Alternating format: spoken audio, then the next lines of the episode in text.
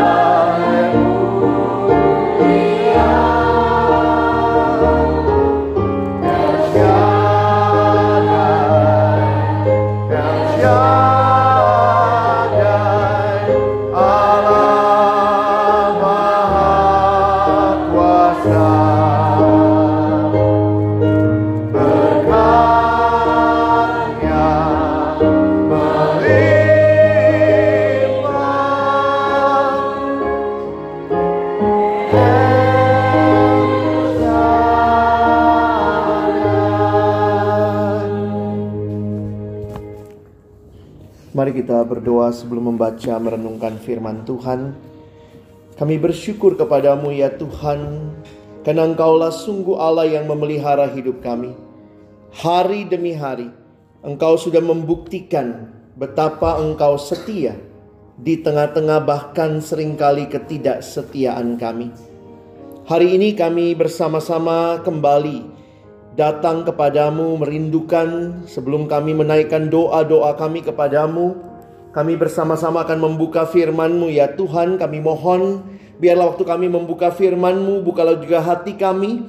Jadikanlah hati kami seperti tanah yang baik supaya ketika benih firman Tuhan ditaburkan boleh sungguh-sungguh berakar, bertumbuh dan juga berbuah nyata dalam hidup kami.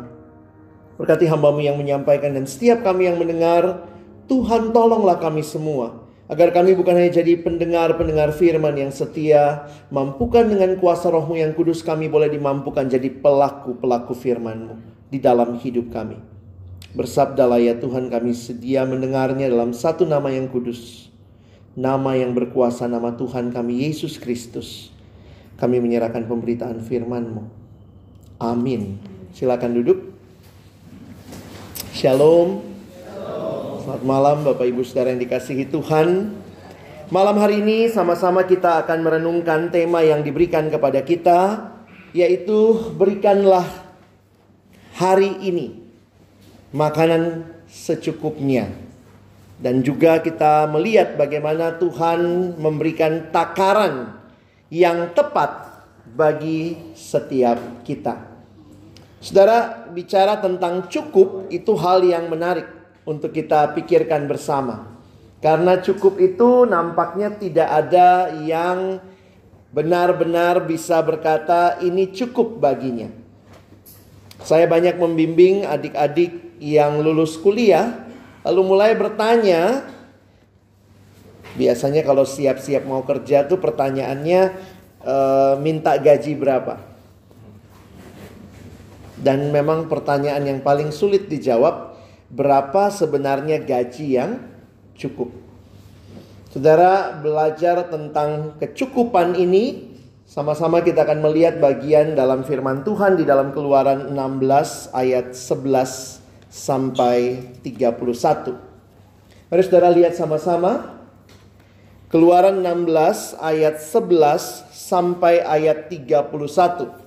Kalau Yesus mengajarkan berikanlah kami makanan kami yang secukupnya dalam doa Bapa kami, maka saya pikir cerita ini akan menolong kita menghayati apa yang menjadi bagian tentang punya takaran yang tepat dari Tuhan ya.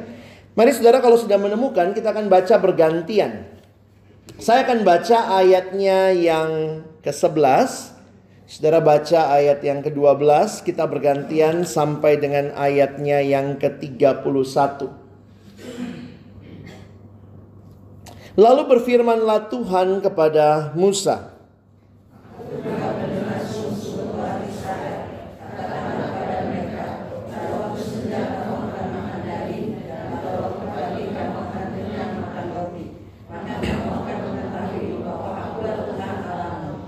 Pada waktu petang datanglah berduyun-duyun burung puyuh yang menutupi perkemahan itu. Dan pada waktu pagi terletaklah embun sekeliling perkemahan itu.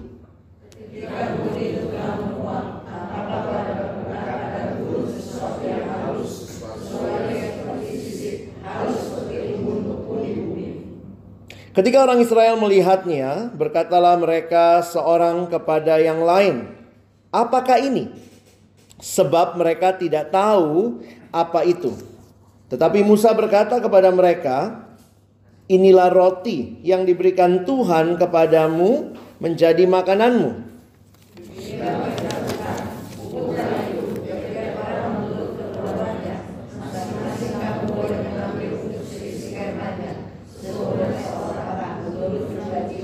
Demikianlah diperbuat orang Israel.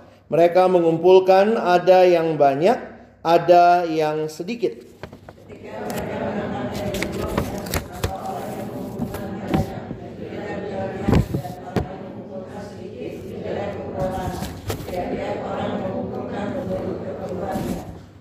Musa berkata kepada mereka, seorang pun tidak boleh meninggalkan daripadanya sampai pagi.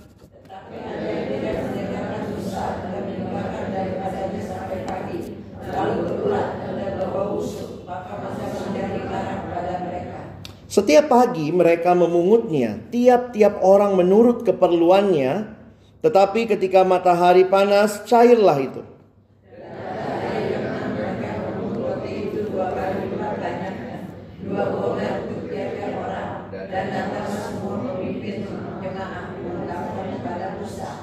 Lalu berkatalah Musa kepada mereka, "Inilah yang dimaksudkan Tuhan.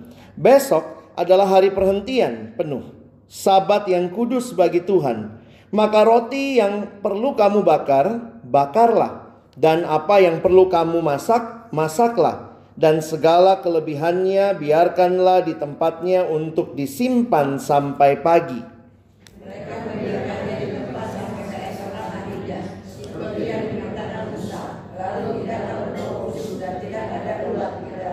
Selanjutnya eh, kata Musa, makanlah itu pada hari ini sebab hari ini adalah sabat untuk Tuhan. Pada hari ini tidaklah kamu mendapatnya di padang.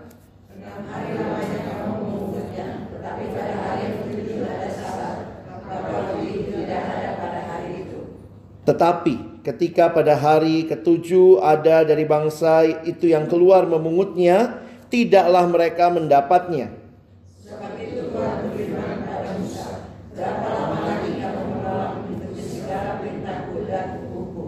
Perhatikanlah, Tuhan telah memberikan sabat itu kepadamu. Itulah sebabnya pada hari keenam ia memberikan kepadamu roti untuk dua hari. Tinggallah kamu di tempatmu masing-masing, seorang pun tidak boleh keluar dari tempatnya pada hari ketujuh itu. Umat Israel menyebutnya namanya mana, warnanya putih seperti ketumbar dan rasanya seperti dan rasanya seperti rasa kue madu. Saudara yang dikasihi Tuhan, perjalanan hidup umat Israel ini menjadi satu hal yang menarik untuk kita perhatikan di tengah-tengah perjalanan kita juga sebagai orang-orang yang mengaku adalah umat Allah. Saudara dari kisah yang kita pelajari kita akan merenungkan tema ini dalam dua bagian yang saya ajak kita perhatikan bersama. Saya ingin mengajak kita melihat yang pertama adalah siapakah Allah itu. Dan yang kedua, karakter apa yang saudara dan saya perlu bangun di tengah-tengah hidup kita untuk mengalami tema ini. Saudara yang dikasihi Tuhan, perjalanan Israel keluar dari Mesir merupakan perjalanan yang ajaib. Tuhan memimpin mereka keluar dari Mesir, dari perbudakan. Dan kita melihat bagaimana Tuhan memimpin mereka melewati laut yang terbelah, dikejar orang Mesir, lalu kemudian Tuhan menutup laut itu, matilah orang Mesir dan Israel selamat. Tetapi kisah itu tidak berhenti sampai di situ. Keluaran 15 mereka menaikkan pujian kepada Tuhan. Terima kasih nyanyian luar biasa karena Tuhan menyelamatkan. Keluaran 16 menceritakan di dalam bagian ini Khususnya kalau kita naik sedikit keluaran 16 ayat yang kedua, Saudara lihat tulisan di dalam Alkitab dikatakan di padang gurun itu bersungut-sungutlah segenap jemaah Israel kepada Musa dan Harun. Saudara di tengah-tengah perjalanan itu mereka bersungut-sungut. Betul sudah lepas dari kejaran tentara Mesir. Tapi mau makan apa? Mereka ada di padang gurun. Sungut-sungut adalah respon mereka. Bahkan yang menarik adalah ayat yang ketiga. Kalau kita lihat sebentar dalam bacaan di atasnya dikatakan mereka berkata, "Ah, kalau kami mati tadinya di tanah Mesir oleh tangan Tuhan." Lucu ya, mereka pikir Tuhan yang menindas mereka di Mesir. Ini yang menindas sebenarnya adalah orang Mesir. Tapi mereka justru berkata, "Ah, seandainya kami mati tadinya di tanah Mesir oleh tangan Tuhan, ketika kami duduk menghadapi kuali berisi daging dan makan roti sampai kenyang." Sebab kamu membawa kami keluar ke padang gurun ini untuk membunuh seluruh jemaah ini dengan kelaparan. Jadi saya melihat ada hal yang menarik untuk kita perhatikan tentang karakter Allah. Tapi yang kedua juga nanti kita melihat tentang bagaimana karakter kita. Kalau saudara saya ajak kita lihat sebentar apa yang Tuhan lakukan. Kenapa Tuhan melakukan itu? Mengapa Tuhan menolong umatnya? Saya melihat ada dua hal yang sederhana untuk kita pikirkan bahwa dia adalah Allah yang memiliki umatnya. Umat ini adalah miliknya Allah. Gambaran Allah menebus mereka dari Mesir. Allah membawa mereka, mereka milik Allah, Allah adalah Allah mereka. Dan Allah sudah memberikan perjanjian ini bahkan dengan nenek moyang mereka.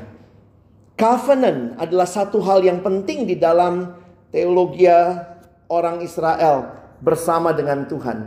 Tuhan mengikat perjanjian dengan mereka. Kamu umatku, aku Allahmu.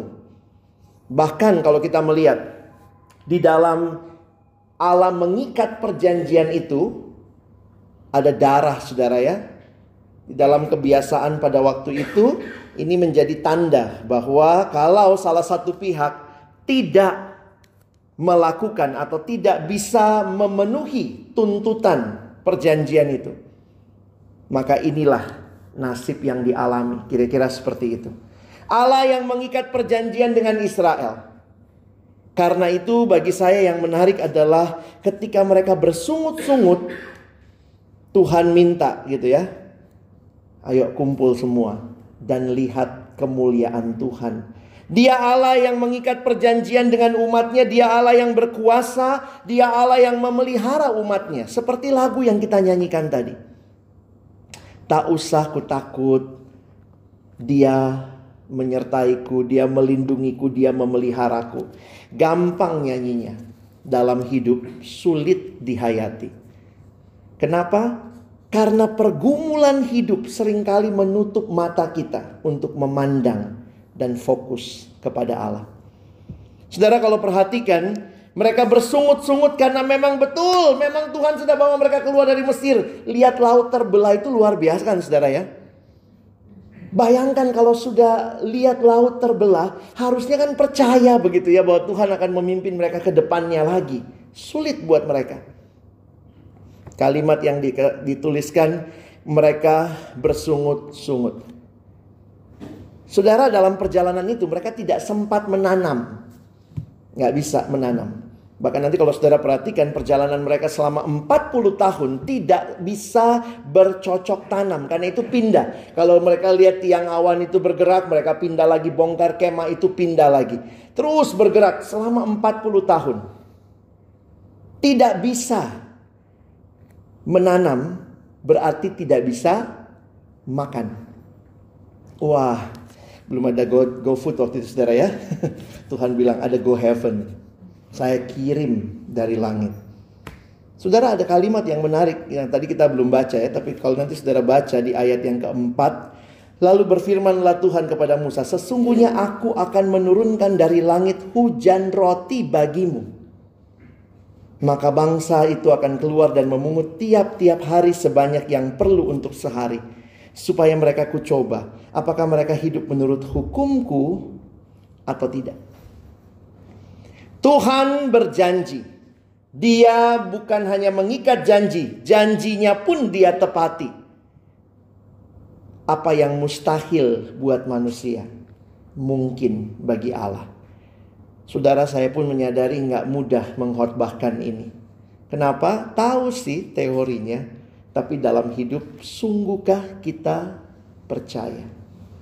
Allah kita adalah Allah yang sungguh memelihara, Allah yang membuka tingkap-tingkap langit memberkati kita.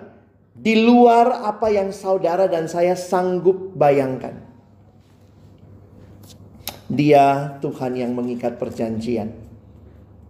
Yang kedua, Secara sederhana dari cerita ini kita belajar dia Tuhan yang memberikan apa yang saudara dan saya butuhkan, perlukan. Saudara, dalam bagian ini kalau kita baca sekilas ada kalimat yang diulang waktu kita baca tadi bahwa Tuhan memberikan tiap-tiap orang menurut keperluannya. Itu muncul nanti di ayat 16 Lalu nanti muncul lagi di bagian bawah. Jadi menurut keperluannya. Saudara, berapa yang Tuhan berikan sebagai takaran? Saya pikir sih Tuhan bukannya pelit ya. Kalau saudara lihat, itu diambil satu orang satu gomer. Satu gomer itu berapa? Lihat paling bawah ayat 36. Adapun segomer ialah sepersepuluh Eva. Tambah bingung lagi kita, apa lagi? Si Eva kok sepersepuluh gitu ya. Gomer itu takaran. Demikian juga dengan Eva. Satu Eva kira-kira 20 liter. Jadi sepersepuluh Eva itu satu gomer. Berarti berapa banyak? 2 liter. Jadi satu orang setiap hari itu mengambilnya 2 liter dan itu harusnya cukup sesuai dengan keperluan. Tuhan sudah menakarnya. Mungkin muncul pertanyaan kok kayaknya Tuhan udah tahu banget begitu ya. Tapi saya juga makin sadar bahwa begini. Kalau saudara lihat ceritanya, coba lihat sebentar ayat yang ke 21. Jadi ayat yang ke-21 saya membayangkan sesudah semua ngambil pun masih ada sisa? Masih. Tapi Tuhan mau mereka tidak ambil semua sisanya itu. Kenapa? Dari mana kita tahu ada sisa? Perhatikan ayat 21. Setiap pagi mereka memungutnya. Tiap-tiap orang menurut keperluannya lalu sudah selesai? Ada sisa? Nampaknya ada, tetapi ketika matahari panas, cairlah itu. Jadi saya harus katakan begini ya, ini kan sering kali teologinya orang Kristen ya. Allah kita, Allah yang memberkati dengan berlimpah, begitu ya. Tapi ambilnya sesuai keperluan. Jangan sotoy saudara. Jangan sok merasa aku anak raja. Kalau kita dapat semua pun bingung kita mau apa, mau lakukan apa. Kadang-kadang kalau mahasiswa karena masih baru baru lulus kerja gitu ya. Lihat duit sedikit wah puji Tuhan karena dulu anak kos melarat ya. Lalu tiba-tiba nanti begitu, aduh ya coba ya kak, coba misalnya saya dapat langsung gaji satu miliar. saya bilang kalau langsung kamu dikasih satu M, kamu juga bisa kaget, mati lagi kamu. Saking kaget gitu. Ini apaan gitu ya. Sering kali kita melihat dia Allah yang memelihara, dia memang memberikan semua ini miliknya Tuhan. Ini dunia miliknya Allah. Kita sering kali nyanyi This is my father's world. Ini dunianya milik Allah, tapi Tuhan memberikan yang saudara dan saya perlukan.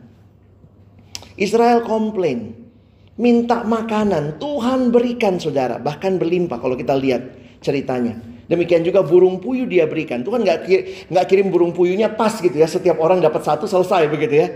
Kelihatannya berlimpah, tapi setiap orang mengambilnya menurut apa yang dia perlukan. Saudara kenal Allah kita. Dia Allah yang mengikat perjanjian dengan kita umatnya. Dia Allah yang memberkati kita dengan berlimpah, tapi yang meminta kita mengambil sesuai dengan keperluan kita. Apa karakter yang saudara dan saya harus bangun? Karakter yang kita harus bangun saya lihat juga dua hal saudara ya. Pertama, percaya. Beriman. Percaya, beriman, taat itu sebenarnya satu rumpun saudara. Saya makin sadar begini ya. Sulit loh percaya. Jadi orang percaya itulah sulitnya. Apa kesulitan terbesar saudara dan saya sebagai orang percaya? Percaya itu.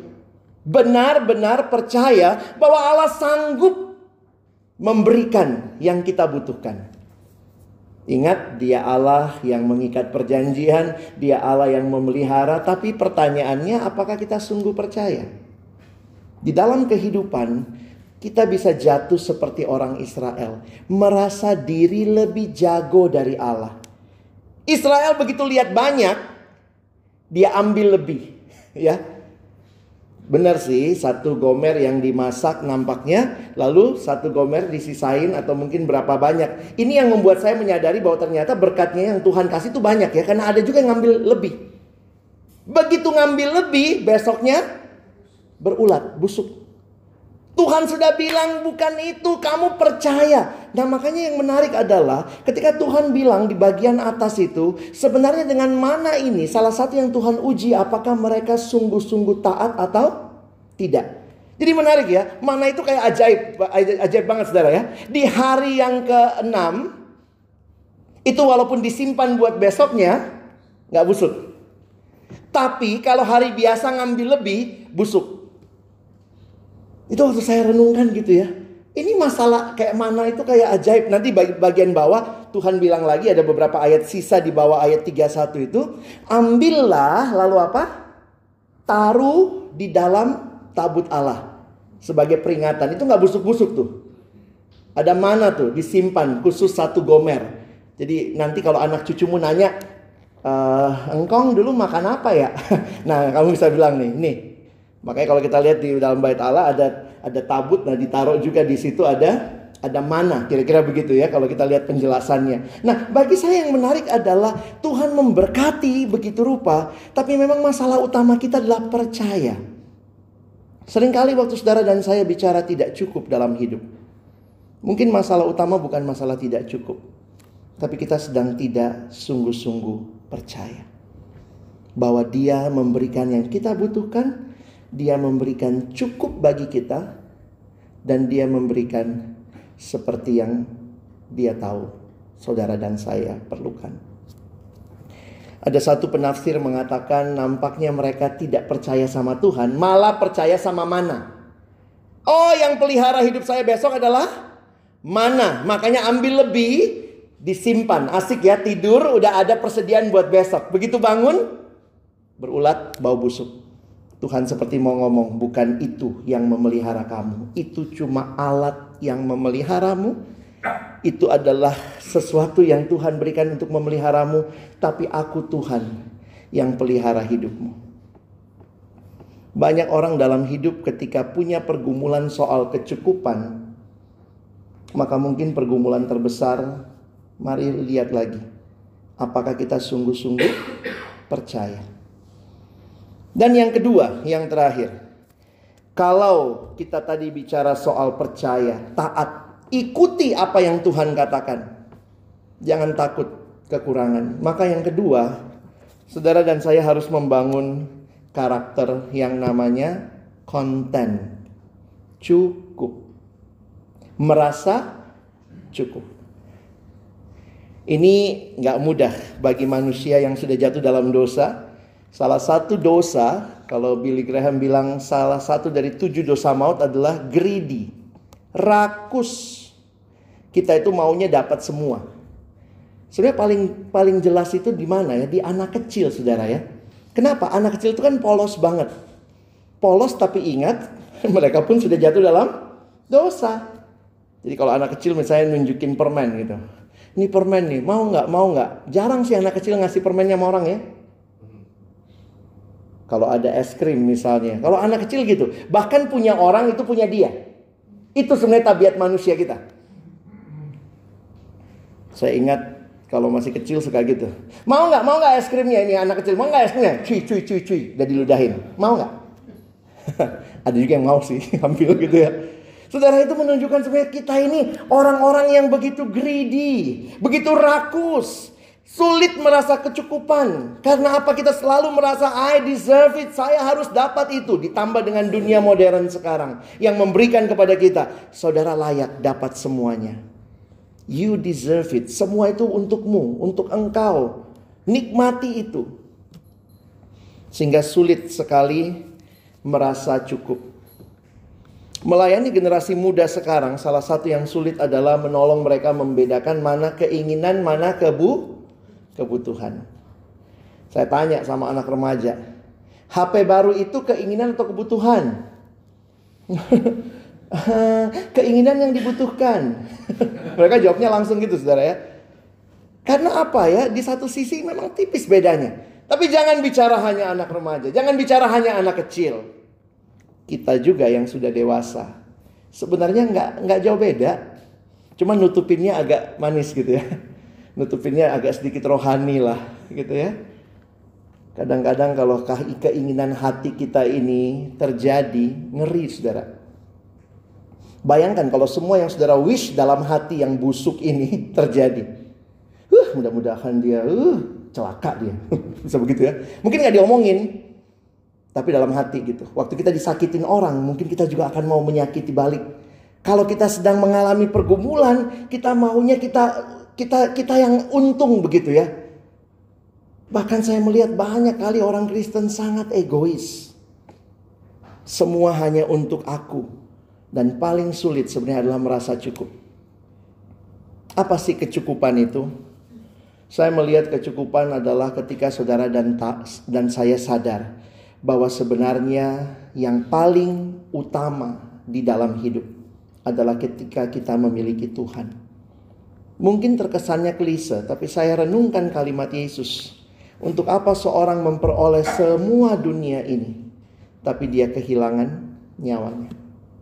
Hanya kalau di hati kita, Yesus hadir dan bertahta dialah kepuasan utama kita, maka kita pun akan bisa melihat hal-hal di sekitar kita sebagai cukup bagi kita, karena Yesus sudah ada di hati kita.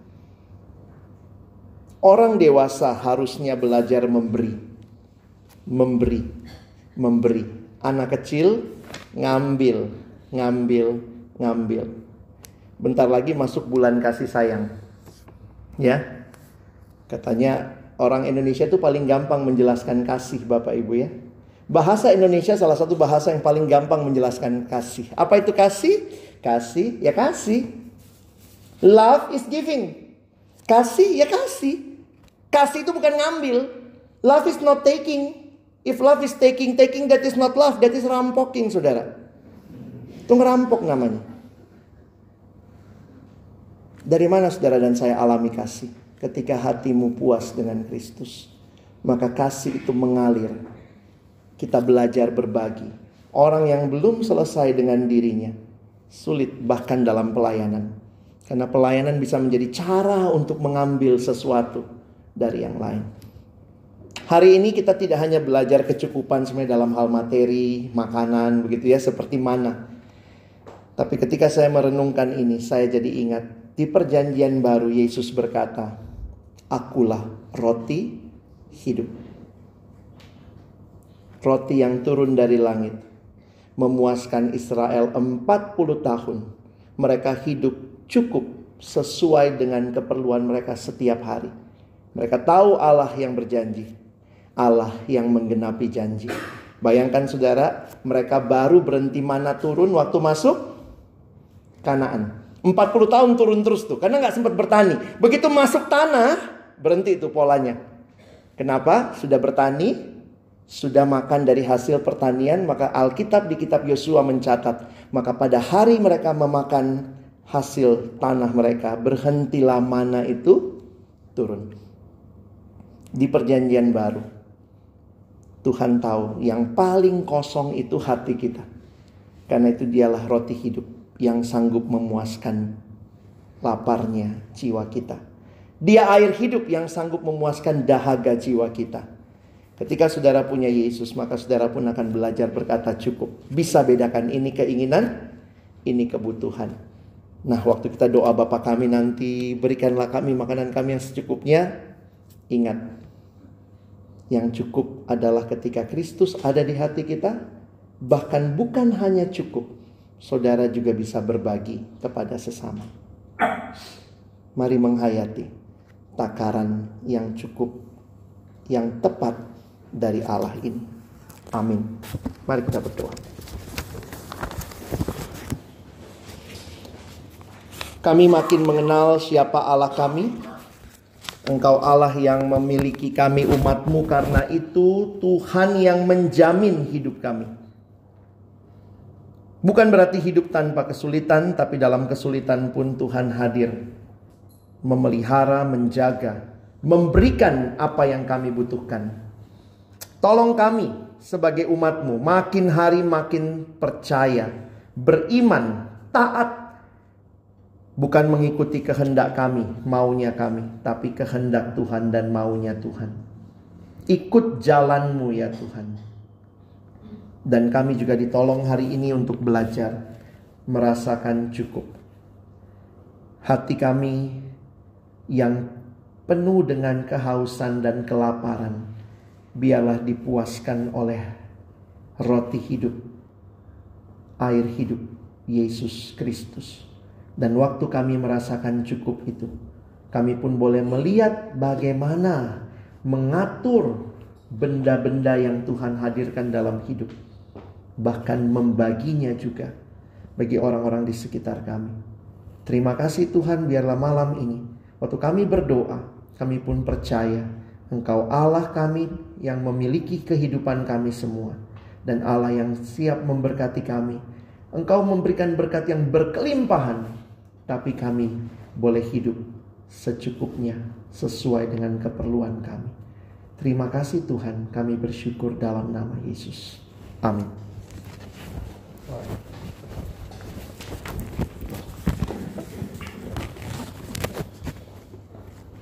Terima kasih Pak Pendeta Alek sudah memberkati kita dan meletakkan firman Tuhan dasar-dasar iman Kristen iman, karakter, dan kepuasan kita hidup di dalam Kristus boleh bertumbuh di dalam Dia.